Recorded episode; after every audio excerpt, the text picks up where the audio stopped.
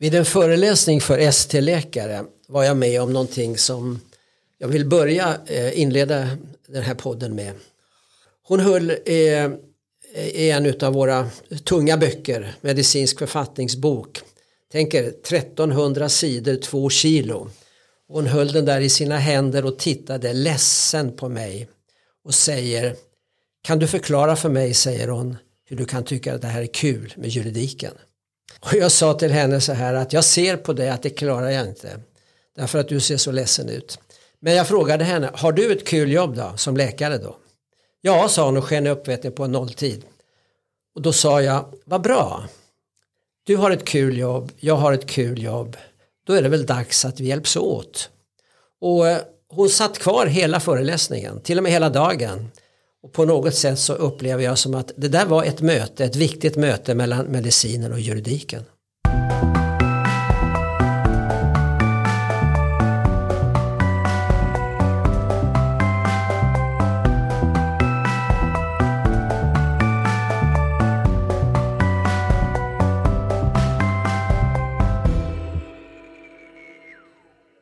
Nu är det äntligen dags för avsnitt nummer två av Medicinrättspodden. Idag har vi bjudit in den person som kanske är den mest kunniga inom medicinsk rätt i Sverige.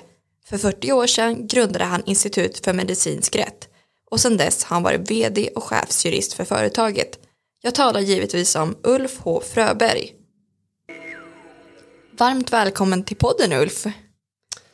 Stort tack vill jag säga. Jag är ju gäst liksom i mitt eget hus här idag. Och eh, då vill jag passa på att säga som gäst att tack för att jag fick komma. Kan inte du börja berätta när ditt intresse för medicinsk rätt växte fram?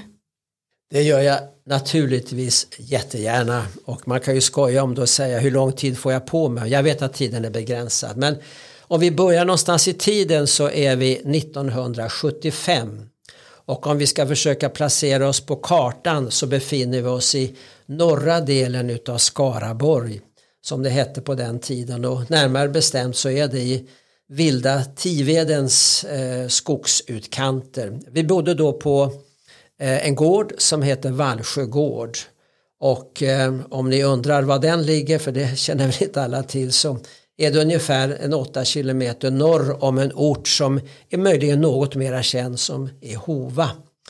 Och eh, den orten har väl fått sin eh, uppmärksamhet genom Abbas coach Stickan Andersson som ju var född där. Min ambition var att eh, söka in i advokatsamfundet och då ska man ju ha en del praktik och så innan. Men en dag så får jag syn på en annons i Mariestadstidningen. Jag sökte den där tjänsten och fick den och jag blev eh, sjukvårdsstyrelsens sekreterare underställd eh, ytterst då sjukvårdsdirektören Sven Bengmark på den tiden. Och eh, jag började undersöka vad är det för juridik som gäller och fann eh, väldigt mycket regler. Väldigt mycket lagar och regler som styrde läkemedelshantering, journalföring, medicintekniska utrustning och så vidare.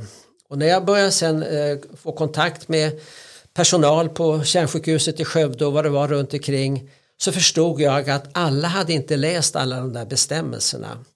Så jag började läsa på och så småningom så ringde folk in och frågade och jag blev mer och mer intresserad. Och jag började förstå att det var ett jättestort behov utav information och kunskap. Och eh, jag tänkte tanken att tänk om det här skulle kunna vara någonting framöver. Eh, och så blev det. Jag eh, sa upp mig på landstinget efter ungefär fem år. Och då befinner vi oss i tiden ungefär 1980, skarven där 79-80.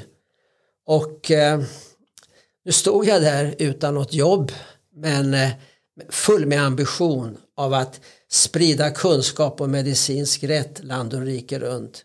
Så vi hyrde en gammal eh, för detta eh, banklokal i Hova, Sparbankens lokal var det.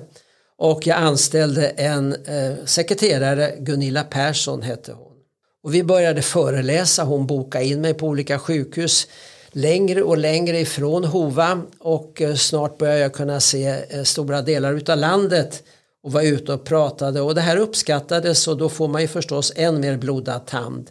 Och det blev också intressant för att en och annan frågade har du inga böcker om det, har du inga kompendier om det och på den vägen så startade också institutets förlagsverksamhet till glädje ska ni veta för ett litet tryckeri i Elgarås. De började trycka böcker och vi, jag var ute och föreläste och Gunilla sålde böcker och på den vägen blev det full fart framåt. Ja, det är jättehäftigt och roligt att höra Ulf att du har så himla lång erfarenhet och att du har hållit på med medicinsk rätt i princip sedan 1975. Men med tanke på all din erfarenhet och sådär, hur skulle du säga att den medicinska rätten har förändrats sedan du började jobba med det? Ja, då vill jag säga att det är ju stora förändringar som har skett. För det första så har ju regelverket eh, byggts ut ganska ordentligt och med utgångspunkt från att stärka patientens rättsliga ställning och där kom ju en del viktiga lagar eh, faktiskt 1980 och eh, följdes sen utav eh, eh, fortsatt utveckling. Så på den sidan, lagstiftarens sida har det hänt väldigt mycket. Eh, men om, vi tittar på IMRs verksamhet, vår verksamhet, så har det också skett mycket. Vi flyttade upp ifrån eh, Hova eh, till Stockholm 1986 och det kanske säger sig självt att det, det påverkade verksamheten ganska mycket. Det var ju också så att nu började, alltså i mitten på 80-talet där någonstans och slutet på 80-talet så började man se att det dök upp, om ni vill kan vi kalla det konkurrenter som erbjöd utbildningar. Och eh, tittar man noga på det där så var det ju nog, tror jag att jag vågar säga, om ni ursäktar uttrycket, att det var en och annan lycksökare man såg att det fanns ett intresse för men det var en del företag som alltså var några år, tog in tror jag ganska mycket pengar, de försvann. Men idag är det långt mera och flera seriösa utbildningsarrangörer. Vad vi däremot tror jag på Institutet för medicinsk rätt är ensamma om, i vart fall så här länge, det är den här kombinationen av utbildning, konsulting och förlagsverksamhet. Vi har liksom om du vill allt i ett. Och på senare tid så har intresset för konsultverksamheten ökat betydligt. Och med senare tid, då vill jag nog säga att det är kanske på de senaste två, tre åren så har vi långt mycket mera uppdrag eh, på konsultsidan än vad vi hade tidigare. Så på så sätt så är det en förändring också i vår verksamhet.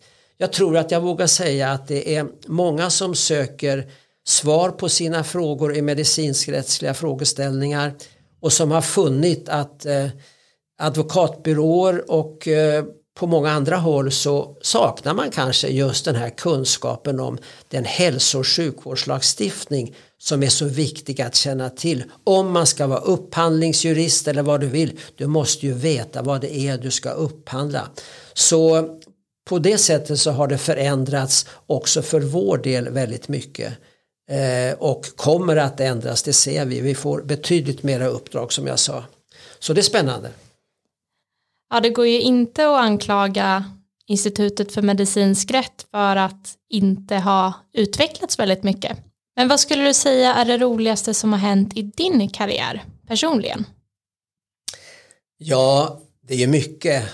Men kanske det roligaste har varit och är förstås den uppskattning som vi får från vårdgivare, ledningsansvariga och ja, typ verksamhetschefer, chefsöverläkare och förstås från hälso och sjukvårdspersonal, olika yrkeskategorier. Och det är väldigt, väldigt trevligt att om man har varit ute på en föreläsning eh, som jag har varit för övrigt eh, bara nyligen och få mail och tack för eh, att man på något sätt hjälper till. När vi kan förklara lagtexten, när vi kan förklara det på ett sätt så att man förstår det om man nu inte har någon jurist, jurist, särskilt juridisk utbildning. Det känns ju väldigt, väldigt lyckat, det måste jag ju säga. Vi har kunnat hjälpa till och föra in juridiken på vårdgolvet. Det det är bland det roligaste, tacksamheten alltså. Om du måste välja en sak, vad är det allra viktigaste för vårdgivare och vårdpersonal att känna till om medicinsk rätt? Ja, jag skulle faktiskt vilja säga att det är att man förstår att medicinsk rätt, det är juridik. Alltså, det finns ju två stora regelverk som reglerar medicinsk verksamhet och även tandvård naturligtvis, det ligger med i det här. Eh, och det är det stora etiska regelverket och så har vi det juridiska regelverket. Och att förstå skillnaden mellan en etisk regel och en juridisk regel det, jag ofta, inleder ofta mina föreläsningar med att vi gör en skillnad mellan där och så säger att nu ska vi prata om juridik och det är någonting helt annat än etik. För det är ju så här att om du brister i en etisk regel så är det liksom, det är bara ledsamt. Men om du brister i att följa en juridisk regel så är ju den yttersta effekten och konsekvensen att du faktiskt kan bli fälld i domstol. Många, många gånger så har jag hört att man säger så här nu ska vi inte leta efter syndabockar. Men vilka säger så? När hörde ni, eh, när hörde ni till exempel en eh, åklagare säga nu ska vi inte leta efter syndabockar och låta det vara, vara så? Eh, vad gör poliser och åklagare? De letar ju efter syndabockar. De vill ju veta vem var det som gjorde fel. Och kanske det allra viktigaste som du frågar är att få personal att förstå att sådana här inslag finns det ju i juridiken. Eh, och jag tror att vi måste vänja oss vid att det här faktiskt kan bli mer och mer inslag av detta. Människor kommer inte att acceptera, eller vad, vad tror ni? Man, man, kommer inte att acceptera att säga att ja men eh, vi är ledsna att din pappa eller mamma avled på eh, särskilda boendet och nu ska vi göra en lex Maria-anmälan. Det är inte säkert man nöjer sig med det. Man vill veta vem gjorde fel? Varför gjorde man fel? Och hur långt är det då till en polisanmälan? Så alltså människor i sjukvården måste börja ta juridiken, ursäkta, men på fullt allvar. Det är nog eh, det viktigaste att känna till. Det finns ju skyldigheter, var och en är skyldig att känna till så regelverket. Verksamhetschefen har en jätte, jättetuff uppgift. Bland alla uppgifterna så ska han eller hon se till att, och lyssna noga, att lagar och andra föreskrifter är kända och efterlevs. Ett råd är se till att reglerna är kända, ta juridiken på allvar. Ja, tydligare än så kan det väl knappast bli. Juridiken är jätteviktig inom hälso och sjukvården. År 2020 skrev du en artikel i Läkartidningen om att det är hög tid att sätta strålkastarljus på det medicinska ledningsansvaret. Kan du förklara lite för våra lyssnare vad du menar med det? Vad är ens medicinskt ledningsansvar och vilka har det? Ja, det är alldeles korrekt att jag skrev en artikel i Läkartidningen och är vi väldigt exakta så var det nummer 42 2020. Varför ska vi sätta strålkastarljus på det medicinska ledningsansvaret? Det kan man ju undra. Jo, det är ju enkelt. Det är ju för att det är den viktigaste beståndsdelen i patientsäkerhetsarbetet enligt min uppfattning. Det kan ju tyckas att eh, lagstiftaren och Socialstyrelsen eh, i lagar, alltså jag tycker alltså att Socialstyrelsen och, och riksdagen skulle mer sätta det medicinska ledningsansvaret eh, i fokus. Varför har man inte till exempel en särskild eh, rubrik i eh, exempelvis hälso och sjukvårdslagen där det står att medicinskt ledningsansvar. Därför att det är svårfångat om du försöker leta i lagstiftningen på medicinskt ledningsansvar så är det svårt att hitta det i författningstexterna. Du måste leta i propositioner, i så kallade förarbeten. Och eh, jag förstår väl det som jurist att är man inte speciellt hemma i juridik så kanske man inte sitter och letar efter det medicinska ledningsansvaret i propositionen den eller den. Så än mer än det skulle jag vilja säga i sammanhanget när jag nu får tillfälle och det är ju att varför utökar man inte hälso och sjukvårdslagen med några paragrafer som skulle nästan vara kopior på paragraferna i MBL om det här med skyldigheten, alltså MBL är ju skyldigheten för en arbetsgivare att, att informera och förhandla eh, arbetstagarorganisation. Varför har man inte bestämmelser om att vårdgivaren måste innan en budget fastställs, innan en organisationsmodell planteras ha motsvarande förhandlingar, information med representant för det medicinska ledningsansvaret. För hur man fastställer budgeten, hur man fastställer organisationen har ju naturligtvis en stor betydelse ytterst för varje enskild patients säkerhet. Alltså det är ju enormt viktigt att veta att det här medicinska ledningsansvaret som ni minns jag sa tidigare från 1902 orört att veta det, vad det handlar också om idag, nämligen Kalle Karlsson, Anna Anderssons yttersta ansvar för diagnostik, vård och behandling. Det är ett jättetufft ansvar.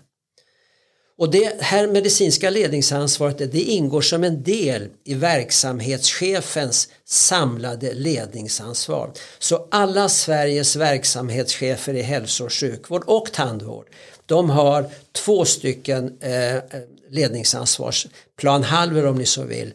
Det administrativa ledningsansvaret det kan vem som helst ha.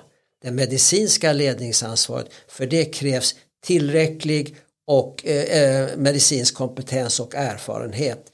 Och det, om jag skulle vara verksamhetschef som jurist så kan jag inte ta det. Jag måste lägga ut det på någon annan. Och eh, det här, i det här utövandet av det medicinska ledningsansvaret då är jag direkt underställd IVO. Inte vårdgivaren, inte arbetsgivaren. Och det är, när jag har berättat om det, faktiskt okänt för många. Som du säger så är det är det ju väldigt viktigt att ha kunskap om det medicinska ledningsansvaret. Varför tror du att det saknas just kunskap om det ansvaret? Ja, jag tror att vi får gå tillbaka till vad jag sagt lite grann tidigare. Det är fortfarande ett svalt intresse. Jag tror att det finns, det finns gedigen okunskap om detta.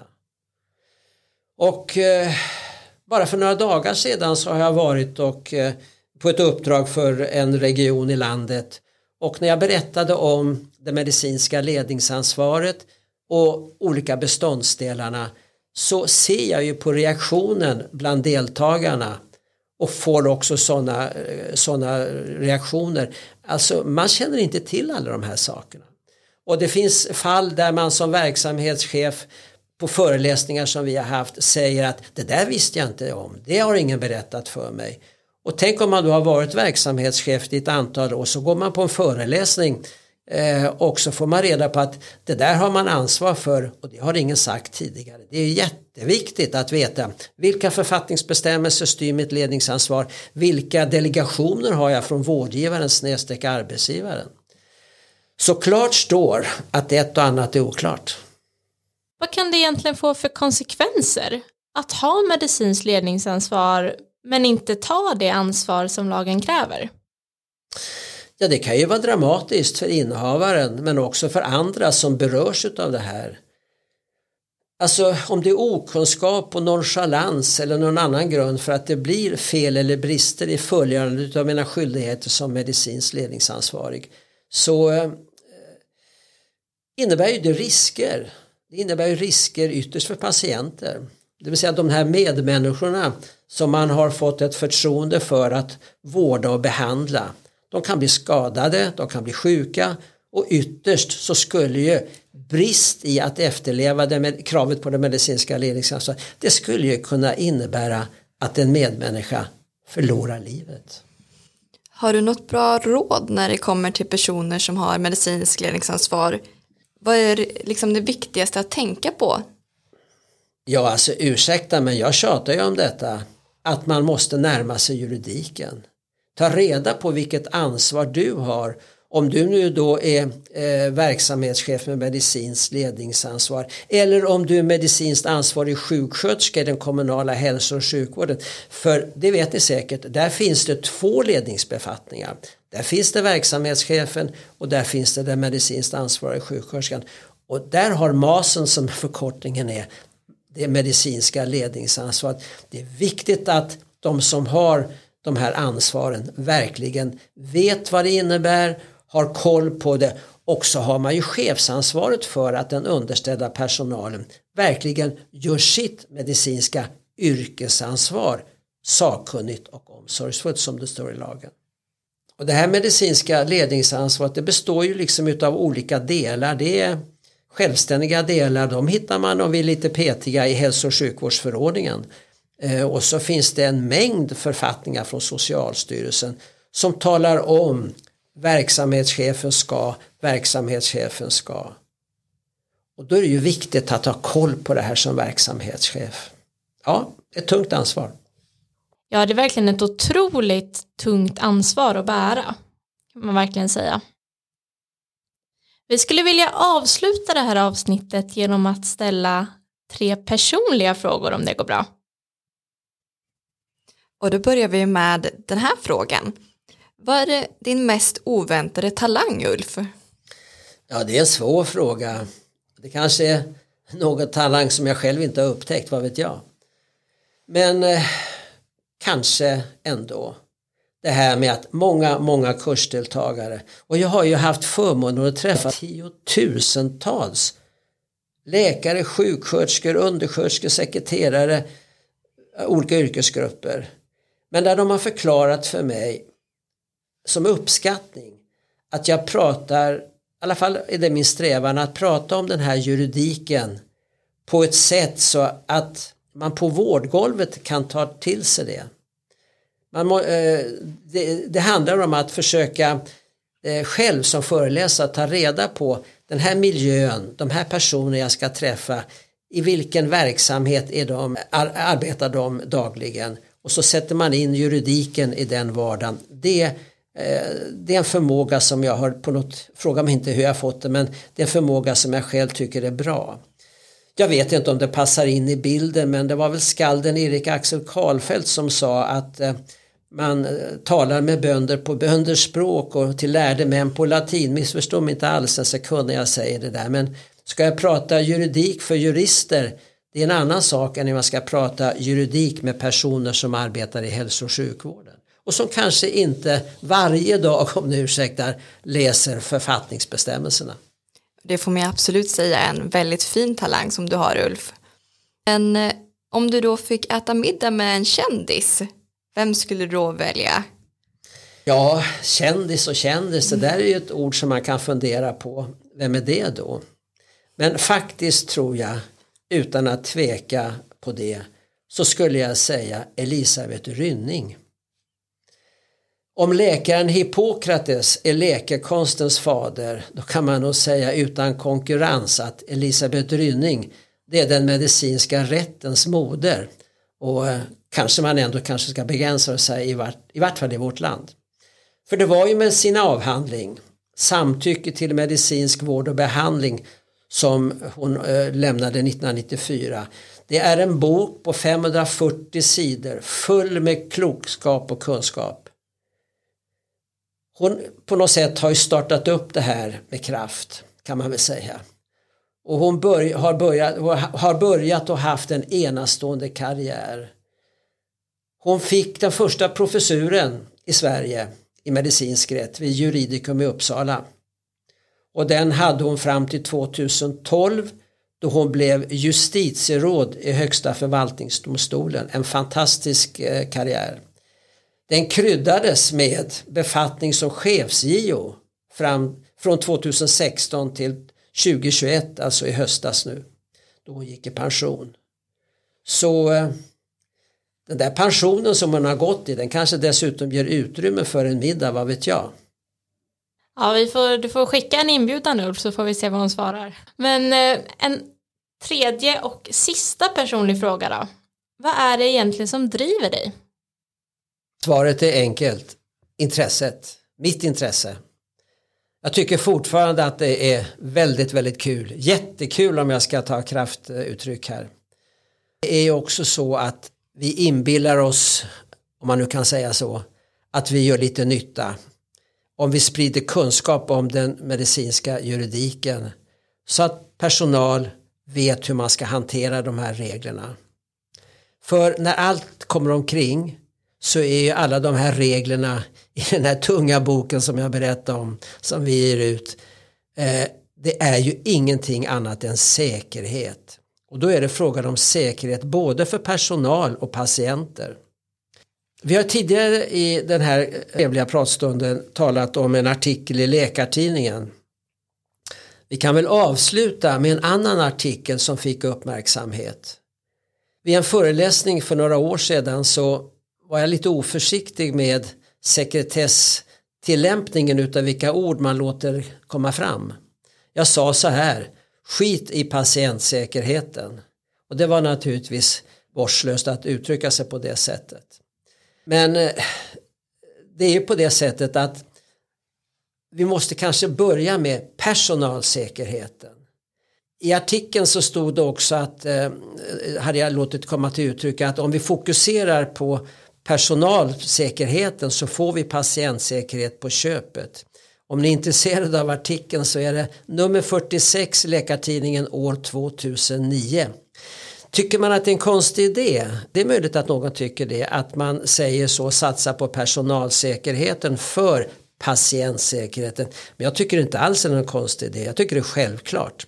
Personalen måste vara trygg och säker i både att kunna sina uppgifter eh, som medicinsk personal men de måste också kunna regelverket.